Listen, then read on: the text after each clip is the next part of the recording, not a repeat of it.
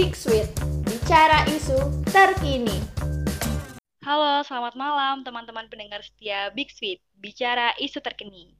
Kembali lagi bersama aku, Kaila, dari Gizi B 2020, dan di sini aku nggak sendirian lagi, aku bersama dengan teman aku, yaitu... Halo teman-teman semua, aku Miko dari Gizi A 2020 juga. Hai Miko, kita seangkatan nih ya kebetulan, cuma beda kelas aja. Iya, benar. Kita seangkatan nih teman-teman. Nah, gimana nih kabarnya Miko di bulan-bulan ini? Kabarnya pastinya baik banget ya. Baik pol, apalagi di semester ini ya Kaila. Kalau Kaila sendiri gimana? Alhamdulillah juga baik banget. Tapi Miko nih baiknya baik pol tuh polnya ada penekanan ya. Kira-kira sarkas nggak sih polnya ini? Uh, polnya ini enggak dong, ikhlas. Oke, ikhlas. Semoga beneran ikhlas ya, nggak cuma di mulut aja, tapi di hati juga ikhlas. Pasti, pasti. Oke, jadi langsung aja nih Miko, biar kita nggak usah lama-lama lagi. Jadi hari ini aku mau ngebahas tentang kebijakan melepas masker di ruangan terbuka yang dikeluarkan oleh pemerintah atau Jokowi nih Miko. Oke, tahu nih. Kira-kira Kayla udah uh, tahu nggak di puasannya Presiden Jokowi juga? Kenapa, kenapa? Itu kan uh, kemarin kan ini ya uh, di post uh, videonya tuh di post di postingannya Instagram Presiden gitu. Oh iya ya di official account Instagramnya ya. Iya bener banget. Nah kebetulan aku bacanya tuh bukan dari situ tapi bacanya dari akun yang emang update tentang berita-berita terkini gitu. Jadi nggak langsung dari official accountnya. Nah tapi nih kemarin itu kita udah sempat nge-share tentang kebijakan ini nih di Instagram story-nya BEM FKM Unair. Dan ternyata hasilnya itu uh, menunjukkan 38% dari total survei itu setuju nih Miko, sedangkan 62% lainnya itu tidak setuju. Yang mana bisa disimpulin kalau hampir uh, orang-orang yang jawab survei itu nggak setuju nih sama kebijakan melepas masker. Nah, menurut Miko sendiri tuh gimana sih uh, tentang kebijakan ini? Oke, okay. Uh, jujur aku juga ikut jawab ya di uh, itu story-nya BEM. Nah, aku pilih yang setuju sebenarnya.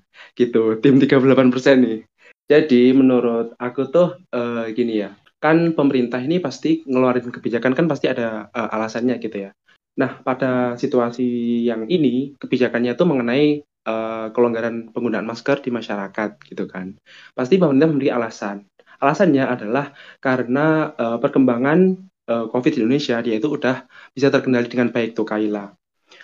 Uh, dari aku baca apa ya berita juga dari ID atau Ikatan Dokter Indonesia itu juga telah menyetujui hal tersebut karena apa?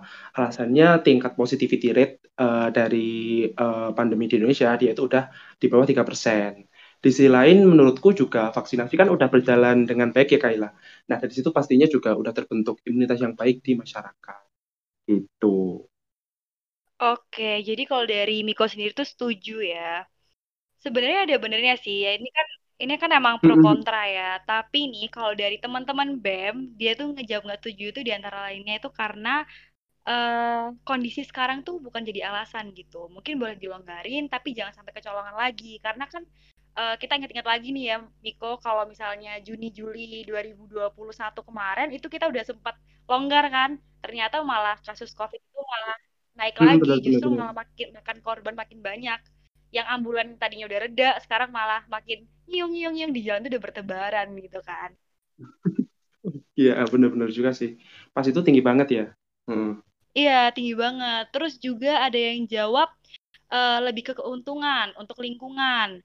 Karena uh, lebih sedikit sampah medis yang dikeluarkan. Kan kalau misalnya kita uh, pakai masker terus kita buang itu kan sampah medisnya jadi banyak terus juga APD dan sebagainya yeah.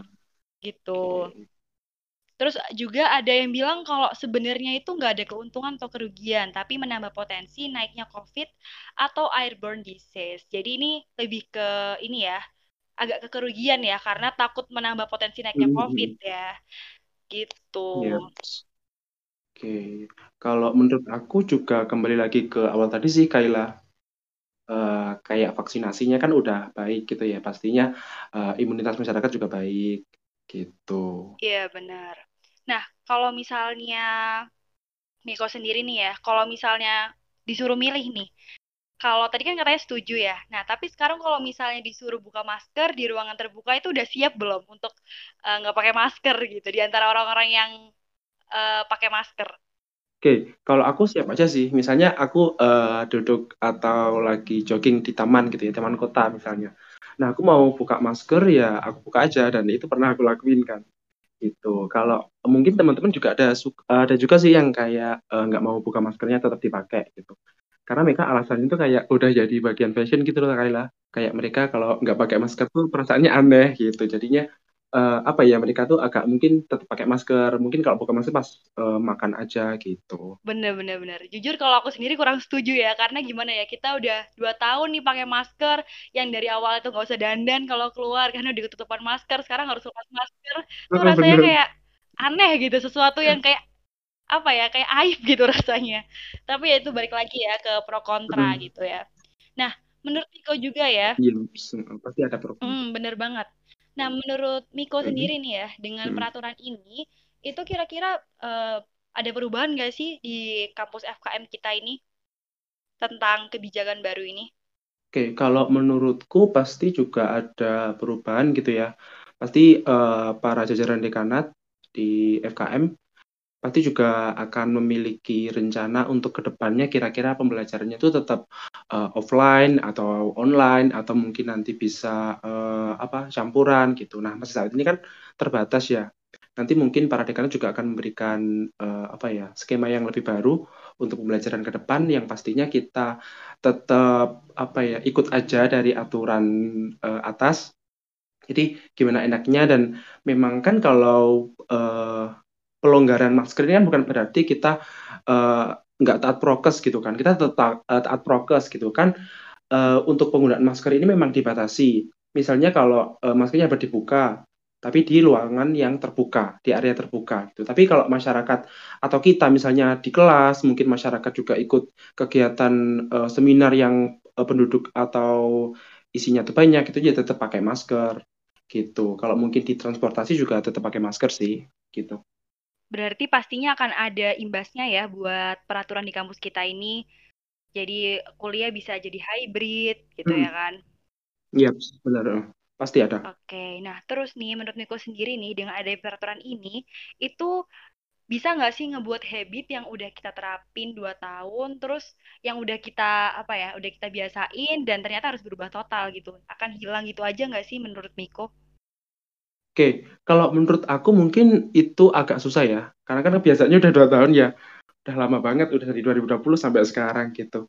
Mungkin masyarakat termasuk aku juga ke mana-mana juga masih pakai masker, meskipun nanti udah boleh free nggak pakai masker, tapi tetap mungkin pakai masker dengan alasan tertentu. Aku juga pernah nanya nih, Kaila, ke teman-teman yang lain, kenapa kok kalau misalnya nanti udah boleh nggak pakai masker gitu kan, alias free. Nah, mereka tuh tetap pakai masker atau enggak dan jawabannya tuh mereka pada tetap pakai masker. Karena apa ya? Mereka tuh menjawab mayoritas tuh kayak udah menjadi kebiasaan gitu loh. Kalau nggak pakai masker tuh ada yang aneh. Oke, oke, ya setuju banget sih. Jadi habit yang lebih ditekan itu habit yang ini ya, habit yang pakai masker, terus yang kebiasaan untuk prokes gitu ya Mas ya. Benar.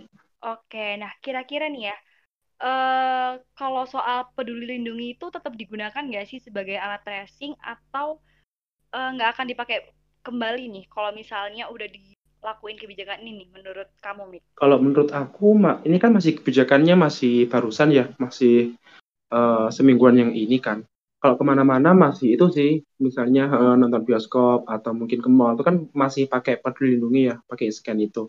Nah, menurut aku uh, untuk kondisi saat ini dan beberapa minggu atau bulan ke depan itu masih bisa diterapkan sih, karena kan memang ini belum stabil dan dan uh, statusnya masih pandemi gitu kan, belum turun lagi ke endemi gitu. Jadi kita masih ikut dulu peraturannya bagaimana dan memang kalau peduli lindungi itu bisa untuk tracingnya tuh lebih bagus lagi karena memang bisa apa ya mengontrol atau melihat dari mobilitas masyarakat. Jadi pasti tetap akan kepake ya untuk hmm. uh, ngebantu ngontrol juga kan? Yep, benar. Iya ya, setuju setuju. Oke.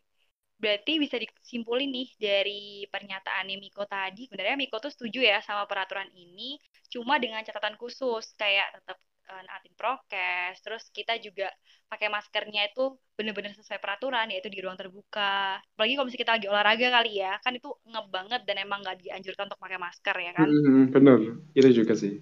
Iya, bener.